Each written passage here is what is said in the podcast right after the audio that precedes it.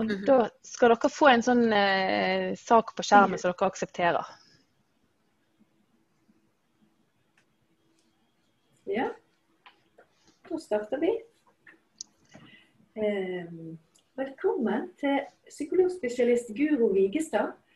Eh, og Katrine, min gode kollega på jordmorutdanning. eh, og jeg er Astrid på helsesykepleierutdanning. Og nå eh, skal vi i gang med et eh, spennende tema, og et kjempeviktig tema. Det er utviklingspsykologi. Eh, og du, og du skal ha faktisk en hel del forelesninger for oss, og vi skal legge ut noen ressurser. Og nå må vi snakke litt om hva som skal skje. Hvorfor dette er viktig.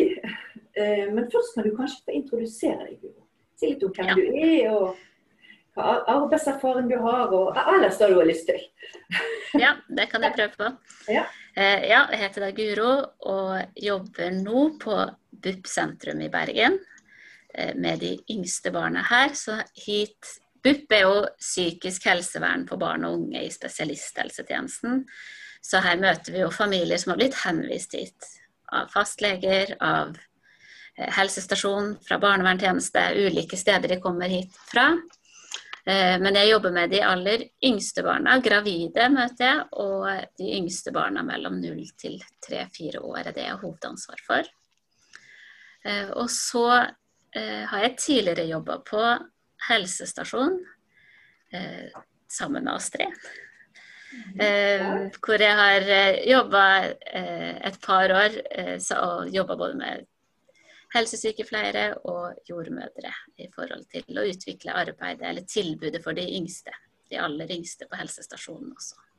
Og de gravide familiene. Mm. Ja. Eh, og du arbeider med de, du har masse erfaring fra de aller yngste. Og òg litt fra svangerskap. Svangerskapsomsorgen. Eh, så vi er veldig glad for at det er du som skal ha denne undervisningen, denne viktige undervisningen om utviklingspsykologi. Men nå har jo våre studenter både på jordmor og helsesykepleie de har hatt en del om kunnskapsbasert praksis og kommet i gang med det. Hva vi mm. våre råd på. Sant? Hva baserer vi rådene våre på? Eh, og nå skal de få en innføring i teorier i forhold til utvikling, eh, utviklingspsykologi hos, mm. eh, hos eh, spedbarn. Eh, og vi skal også snakke litt om ja, hvordan ser vi igjen disse teoriene da i praksis? Og, og det med teorier Det kan av og til bli litt sånn tørt og kjedelig, da. Men mm. det er jo litt sånn. Ja, ja, det er jo litt, litt sånn, eh, ja. Men, men, eh, vi må ha kunnskap om disse teoriene for å kunne forstå. Eh, og for å kunne eh, vite hva vi ser etter, og hva råd vi gir. Eh, så det at vi har denne teoretiske kunnskapen, det er kjempeviktig. Mm. Vil du si noe om det, Gro? Hva... Ja, jeg kan i hvert fall eh, fikk en assosiasjon jeg hørte på det nå. For jeg husker godt når jeg gikk på psykologistudiet selv og hadde om utviklingspsykologi. Eh, så husker jeg, For det første husker jeg tenkte en del at det var veldig sånn selvfølgeligheter som ble sagt. At jeg tenkte ja, ja, men det vet jeg, og ja, ja, men barna utvikler seg jo. Eh, og at jeg syns det var egentlig veldig kjedelig. Det er liksom flaut å si, da, når jeg er blitt veldig opptatt av utviklingspsykologi selv. Men når jeg henta notatene Når jeg begynte i klinisk praksis og henta fram notatene igjen, så husker jeg liksom på et tidspunkt bare Wow, at jeg ikke lytta. At jeg ikke lytta mer. Hva er det som gjør at det, at det liksom bare glei forbi, eller at det ikke ga mening? For teorier er jo liksom tungt, eh, og det kan være tørt. Og det er ofte så mange Alle teorier har sitt eget begrepsapparat, så det er ofte et sånn hav av begreper å sette seg inn i og gi mening til. Og før man har praksisen, så er det egentlig nesten umulig. Eh, ja. Så eh, teorier tenker jeg blir mer og mer spennende jo mer klinisk praksis man får. Og det å kanskje være litt grei med seg selv når man driver og lærer det også, at det å ikke forstå alle begrepene. Eh, det handler ikke om å være dum, men det handler om at man er i en læringsprosess. Mm. Og det å huske å gå tilbake til det når man møter noe, når man står i en klinisk hverdag og kunne tenke å ja, hva var det denne teorien sa mm. igjen? Og så gå tilbake igjen og være litt sånn etterrettelig mm. eh, i arbeidet sitt når man utøver yrket sitt, da, tenker jeg. Mm. Ja, nå, nå, skal jo våre studenter både på jordmor og helsesykepleier, de skal snart ut i praksis. De. Jordmorstudiet mm. først. Og det er jo greit å ha med seg så noe ut i praksis òg. For dette, det er ikke så lett å se etter ting når ikke du har noe kunnskap i bunnen. Så det er liksom, vi må gjøre begge deler. Sant? Både før og etter praksis. Men kanskje du kan si litt sånn om, om ikke om de ulike teoriene. Det kan faktisk alle lese sjøl. Ja. Det er oppegående damer, dette her, så de, de kan lese. Ja. Men, men, eh, kan ikke du si litt om hvordan synet har endret seg på barns utvikling, kanskje? Bare veld, veldig sånn kort. Trenger ikke nevne ulike teorier, men litt om synet. Mm. Hvordan så vi på barn på 50, eh, barns utvikling på 50-60-tallet, og hva er vi mest opptatt av nå? Kanskje mm. ja. ja, det kan jeg si litt om.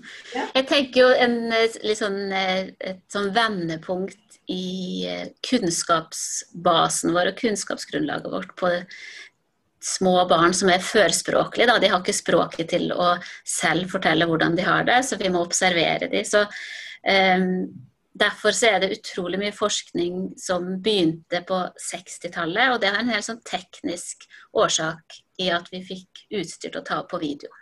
Og kunne ta det opp, se på det, observere på nytt og på nytt. Og lage sånne paradigmer der man prøvde ut eksperimenter og filma og lagde seg manualer for tolkning av ulike måter barn reagerte på.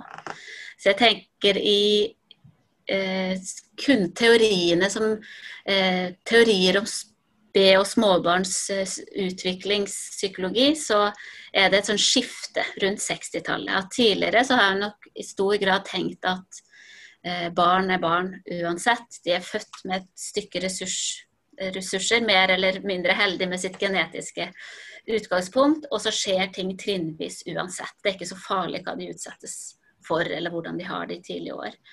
Eh, til på en helt annen måte etter en begynte å filme og kunne se på mikrosamspill. Og kunne få tak i kompetansen eh, et nyfødt barn har. Se på det kommunikative som ligger i et lite spedbarn i de første månedene, og hvordan de allerede er kompetente samspillspartnere som påvirker foreldrene sine, og som påvirkes av det de får tilbake. Ja. Så jeg tenker det har vært et skifte der og en sånn økende respekt for spedbarnets bidrag inn i samspill, og spedbarnets iboende kompetanse til å påvirke sine omgivelser. Som jeg tror eh, det tekniske rundt video har vært eh, utgangspunktet for at vi har fått tak i. Mm. Kan jeg bare spørre om noe, da, sånn litt sånn fra et sånt naivt ståsted, og tenker ofte at mm. praksis er en tung materie å, å snu guro. Sant? Og så sier du at mm. eh, 60-tallet ble litt sånn revolusjonert av eh, fjernsyn, media og kommunikasjon på en annen måte. Men hvor raskt endrer vi? Altså, ser du at fra 60-tallet og fram til i dag så har det vel vært en rivende utvikling også i på en måte da eh, synet på sped og små barns eh, mm. utvikling, men også på en måte mm. hvordan praksisen har endret seg. Eller var det sånn at da endrer vi praksis ganske fort på bakgrunn av de observasjonene? Eller det her er jo observasjoner som pågår over ja, tid òg, vil jeg tro. Ja. Sånn, jeg tenkte å ta, bort, ta med eh, enda et sånt ting som jeg, For jeg tenker det har gått seint. Jeg tror det har ja. gått veldig, veldig seint. Eh, og Eh, at de her pionerene som holdt på med det her eh, på 60-tallet, at de ble sett på som ganske snåle og snodige. Og hadde Jeg vet også at det var veldig vanskelig å få forskningsmidler knytta til sped og småbarn eh, på den tiden. For det var, noe, det var, ikke noe, tiltro til at det her var viktig. At det hadde en stor betydning å finne ut av. Eh, så jeg tenker teoretikerne, eller de som har drevet med teoriutvikling på den tiden, har vært litt sånn ensomme sjeler. Jeg vet De har funnet hverandre på tvers av land, sånn enkeltpersoner som virkelig har trodd på. Eh, det de holdt på med. Ja. Eh, sånn at eh, jeg tenker det har gått veldig seint. Og eh, at kanskje et sånt bidrag som har kommet på toppen av det, som har forsterka den kunnskapen For kunnskapen ble ligg fra 60-tallet så ligger det ganske godt dokumenterte vitenskapelige studier på betydningen av eh, tidlig samspill for barns psykiske helse og utvikling. Så eh, empirien har liksom ligget der, og, eller, og, teoriene, men har blitt lite brukt i praksis. Men jeg tror noe som kom senere, er forskningen rundt hjernen og hjernens utvikling med teknologi der man kan eh, mm. ta bilde av hjernen, og som har fått en helt Da har medisinen kommet mer inn og gitt det mye mer tyngde og kraft. Det de egentlig hadde funnet av der tidligere.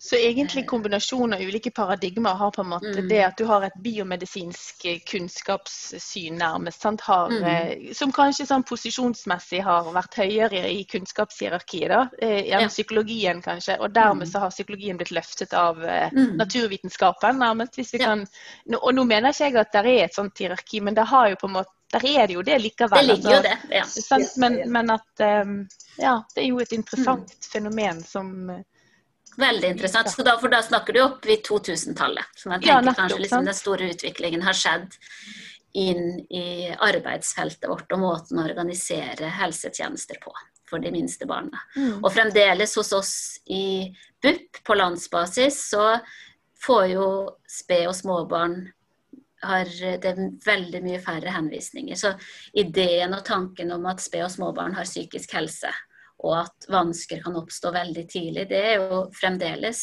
vanskelig å få gehør for det, fordi eldre stemmer roper høyere. Ja. ja. Det er ak akkurat det vet jeg vi har snakket om før, Guro. For du har vært mm. opptatt av men disse barna er der ute. Ja. De trenger noe, og de skulle vært henvist. Og hvordan mm. skal vi få fatt i dem? Mm. Eh, og det som du sier, de har ikke språk, så da er det andre ting vi må se etter. Mm. Og, og, det er jo dette nå eh, våre studenter skal ha en del undervisning om. Sant? Eh, og du mener vel at det er en del spedbarn som skulle vært henvist videre, og så hadde trengt noe ekstra? Mm. Dette er så viktig? Det tenker jeg, ja. Mm. Og at det finnes så store muligheter for å hjelpe relasjoner. Og, altså jeg tenker hjelpe spedbarnet og det lille barnet, men å hjelpe foreldrene til å hjelpe barna sine. Det er jo det man virkelig ønsker å få til. At det er jo foreldrene som må eh, settes i stand til å kunne eh, være beskyttende for barna sine og være, eh, forstå barna sine. For jeg tenker de aller, aller Jeg vil si så å si alle foreldre ønsker jo så inderlig vel å kunne få fram et sunt og godt eh, barn som de, når de får et barn og har virkelig ønsker om at de skal gi et godt liv til barna sine. Så ja. Kan jeg spørre deg om noe, da? For du kakker meg i hodet, Astrid, hvis jeg foregriper begivenheten her. Men du vet, blir litt nysgjerrig. Men, men du sa eh, noe om at det ligger så store muligheter i på en måte dette hos foreldrene, eller i tiltakene som vi kan iverksette for denne altså for spedbarn. Tenker du da at det er store muligheter fordi tiltakene er enkle, eller at det, at det er lett å hjelpe gruppen? Eller hva mente du med begrepet store muligheter? Bare hang meg litt sånn opp i akkurat det. Det er vel flere. For det første så har du jo satt færre spor, da, hvis man skal tenke litt sånn teknisk. At jeg tenker eh, Eh, at jo tidligere du kommer inn i en relasjon, jo mindre er det mønstre som er fastlåst. Ja. det vil jeg tenke også med Hvis du skal inn og hjelpe en fosterfamilie, så vil jeg veldig foretrekke å få lov å hjelpe relasjonen idet den etableres. fordi da er ikke mønstrene de sine mønstre er ikke Den eh, interaksjonen er ikke enda fastlåst. Der kan man allerede bevege ting fra starten av. Eh, så det er noe det ene. og så man, Hvis man skal være mer teoretisk, så tenker jeg at sånn tilknytningsmessig så er jo de to første leveårene forskningsmessig vist hatt enorm betydning i forhold til eh, indre arbeidsmodeller voksne har om seg selv, eller ungdommer og voksne har om seg selv. At det som dannes helt de første leveårene, har en veldig sånn prediksjonsverdi i forhold til hvordan vi ser på oss selv eh, og tror om oss selv senere i livet om vi er trygge. Trygge individer senere i livet. Ja. Så da går det jo mer på det teoretiske, altså teorigrunnlaget og liksom kunnskapsgrunnlaget som ligger der om at hjernen er jeg tenker, altså det, er jo, det er også forskning, da, men at et spedbarn som, eh, som ikke får stimulert synet sitt de første ukene, så vil de bli blind. Altså du får ikke nerve. Banene hjernen vil ikke fyres, og da blir det heller ikke noe i hjernen som vil fungere. Altså du vil miste, tappe ferdigheten.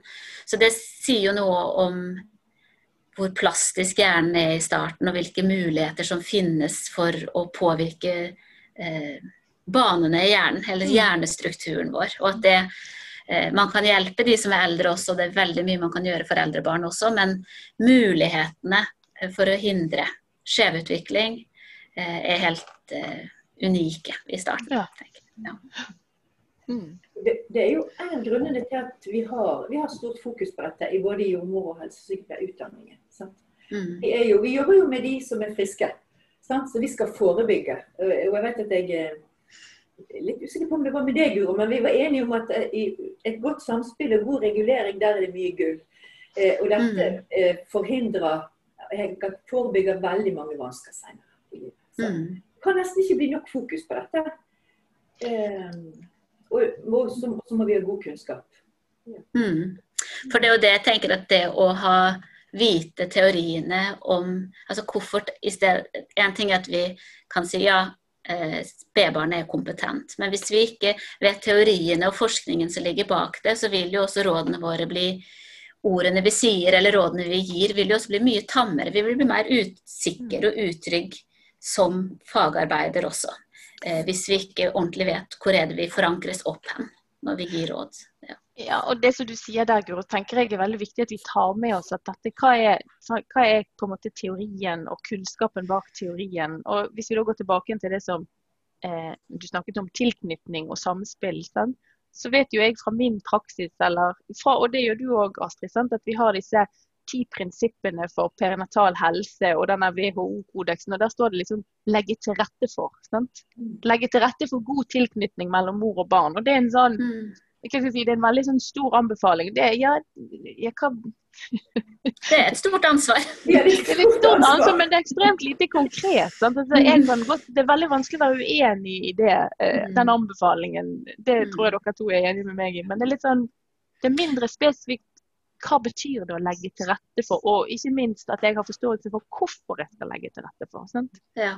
Og hva er en trygg tilknytning? Nettopp. Ja. ja. Og da må man rett og slett orke å uh, høre på teorier, lese teorier og gå fram og tilbake i forhold til praksis for å prøve å forstå det.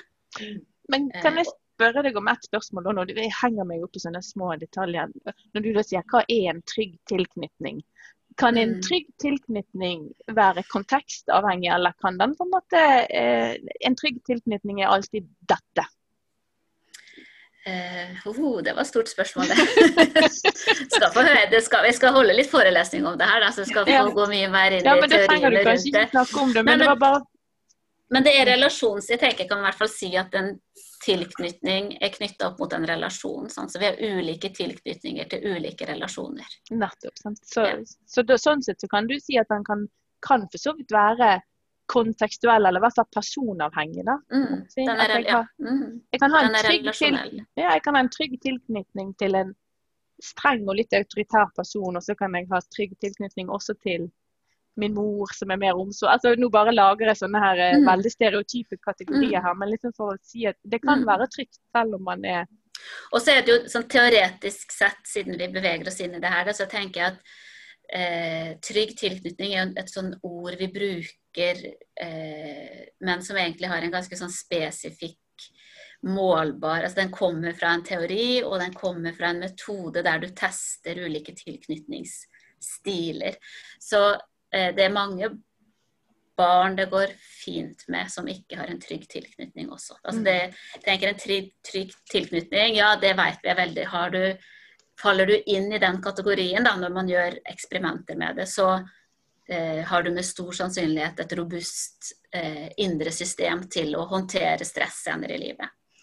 Eh, men det er også andre tilknytningsstiler som er helt OK. Og ulike kulturer har Altså i en asiatisk kultur så vil en ha eh, mer av en annen form for en tilknytningsstil.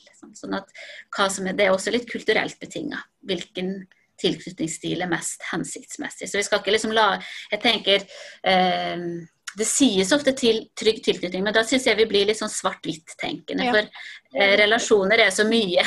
Eh, eh, og de skal, vi pass, skal passe inn i ulike kulturelle kontekster. Så vi må for Det er kanskje noe som sånn tilknytningsteoriene kan skape en frykt for, er jo hva skjer hvis ikke jeg har klart å gi barnet mitt en trygg tilknytning. Og da kommer pekefingeren med en gang opp, eller sånn at du må gjøre rett eller galt. Og at vi eh, som tar bort det at vi har så ulikt opphav.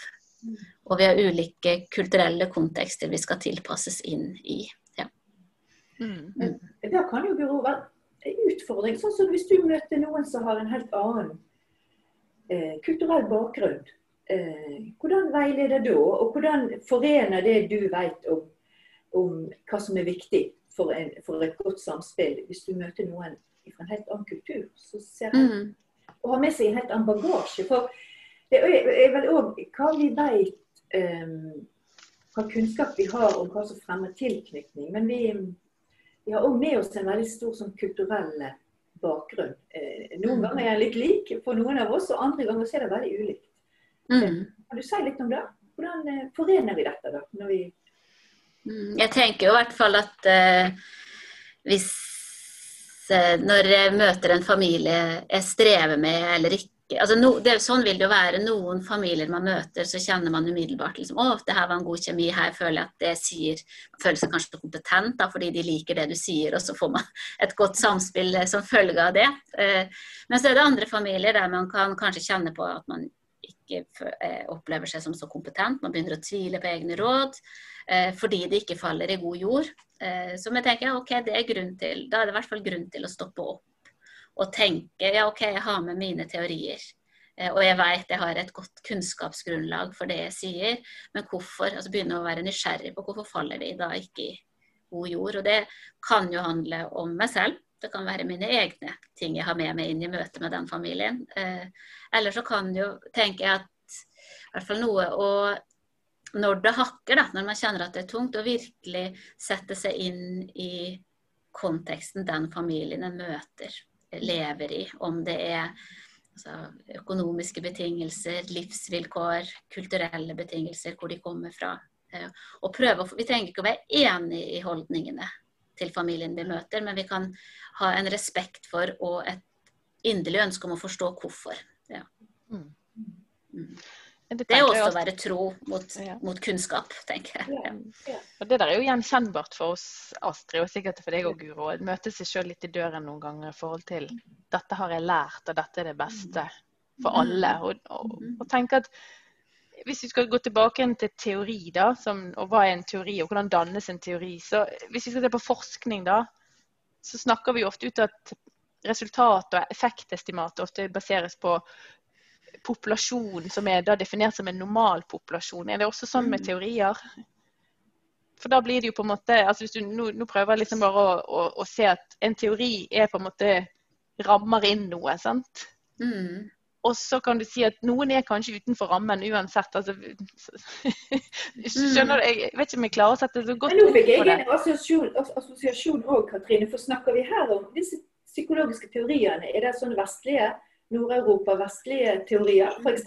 Det... Ja, det var liksom ja, det var litt der jeg var. liksom Hvor er på en måte eh, Når du sier eh, jeg, jeg, møter noen med og Så ser jeg at jeg får ikke La oss si at jeg skulle møtt deg da, Guro, og så fikk jeg ikke respons for, for sånn som jeg hadde lært at var det rette. Mm.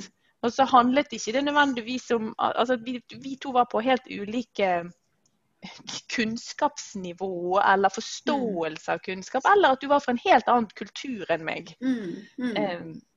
Er, måte, er, du da unormal for det du ikke har? Altså, er dette en definert teori for hele verden, eller er det litt sånn som Astrid sier, eh, har, hvor kommer, hva er opphavet til denne teorien? Altså, vi er jo sikkert eh, veldig kulturarrogante hvis vi sier at det er universelt, for det er jo ja. forska fram i stor grad av vestlige mennesker.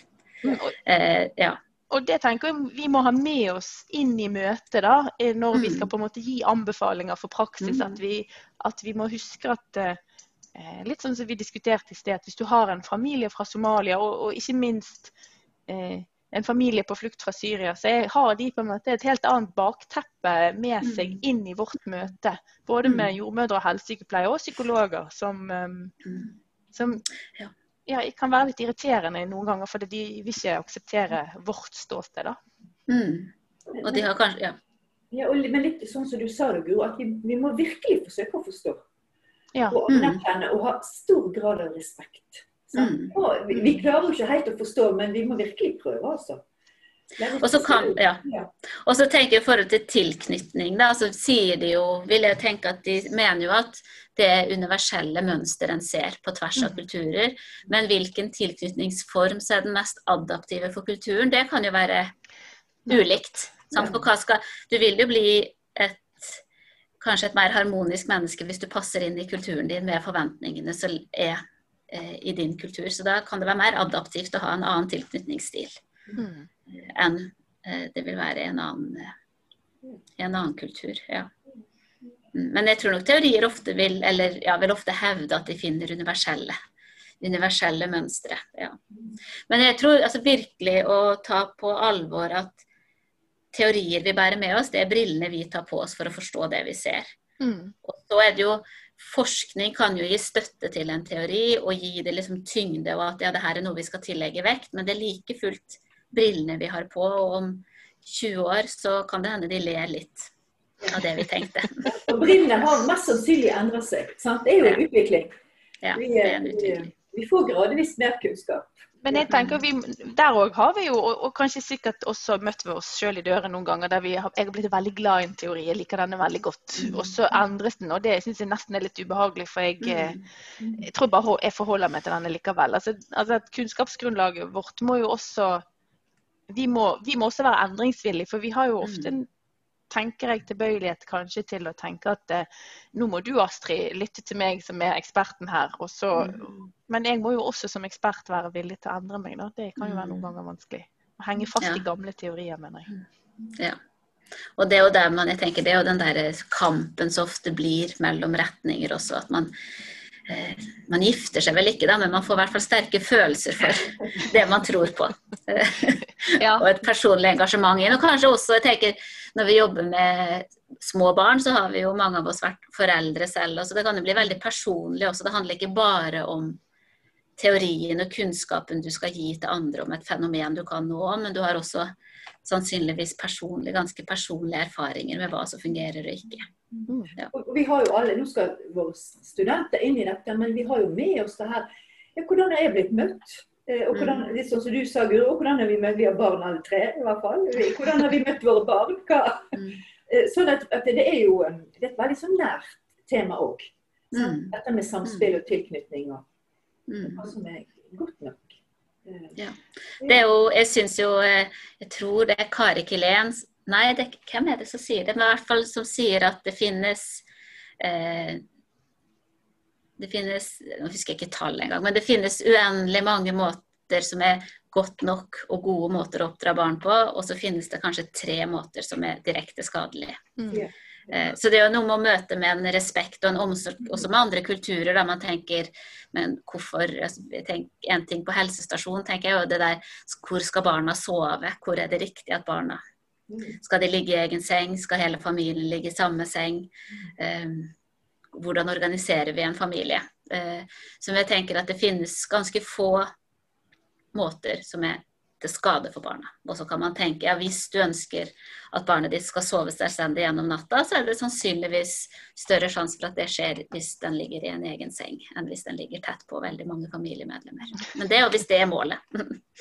Jo eh, litt nå, når våre studenter skal ut i ny praksis snart, og de vil nok møte De er jo sykepleiere fra før, sant? så det, det er ikke at de ikke har møtt folk før.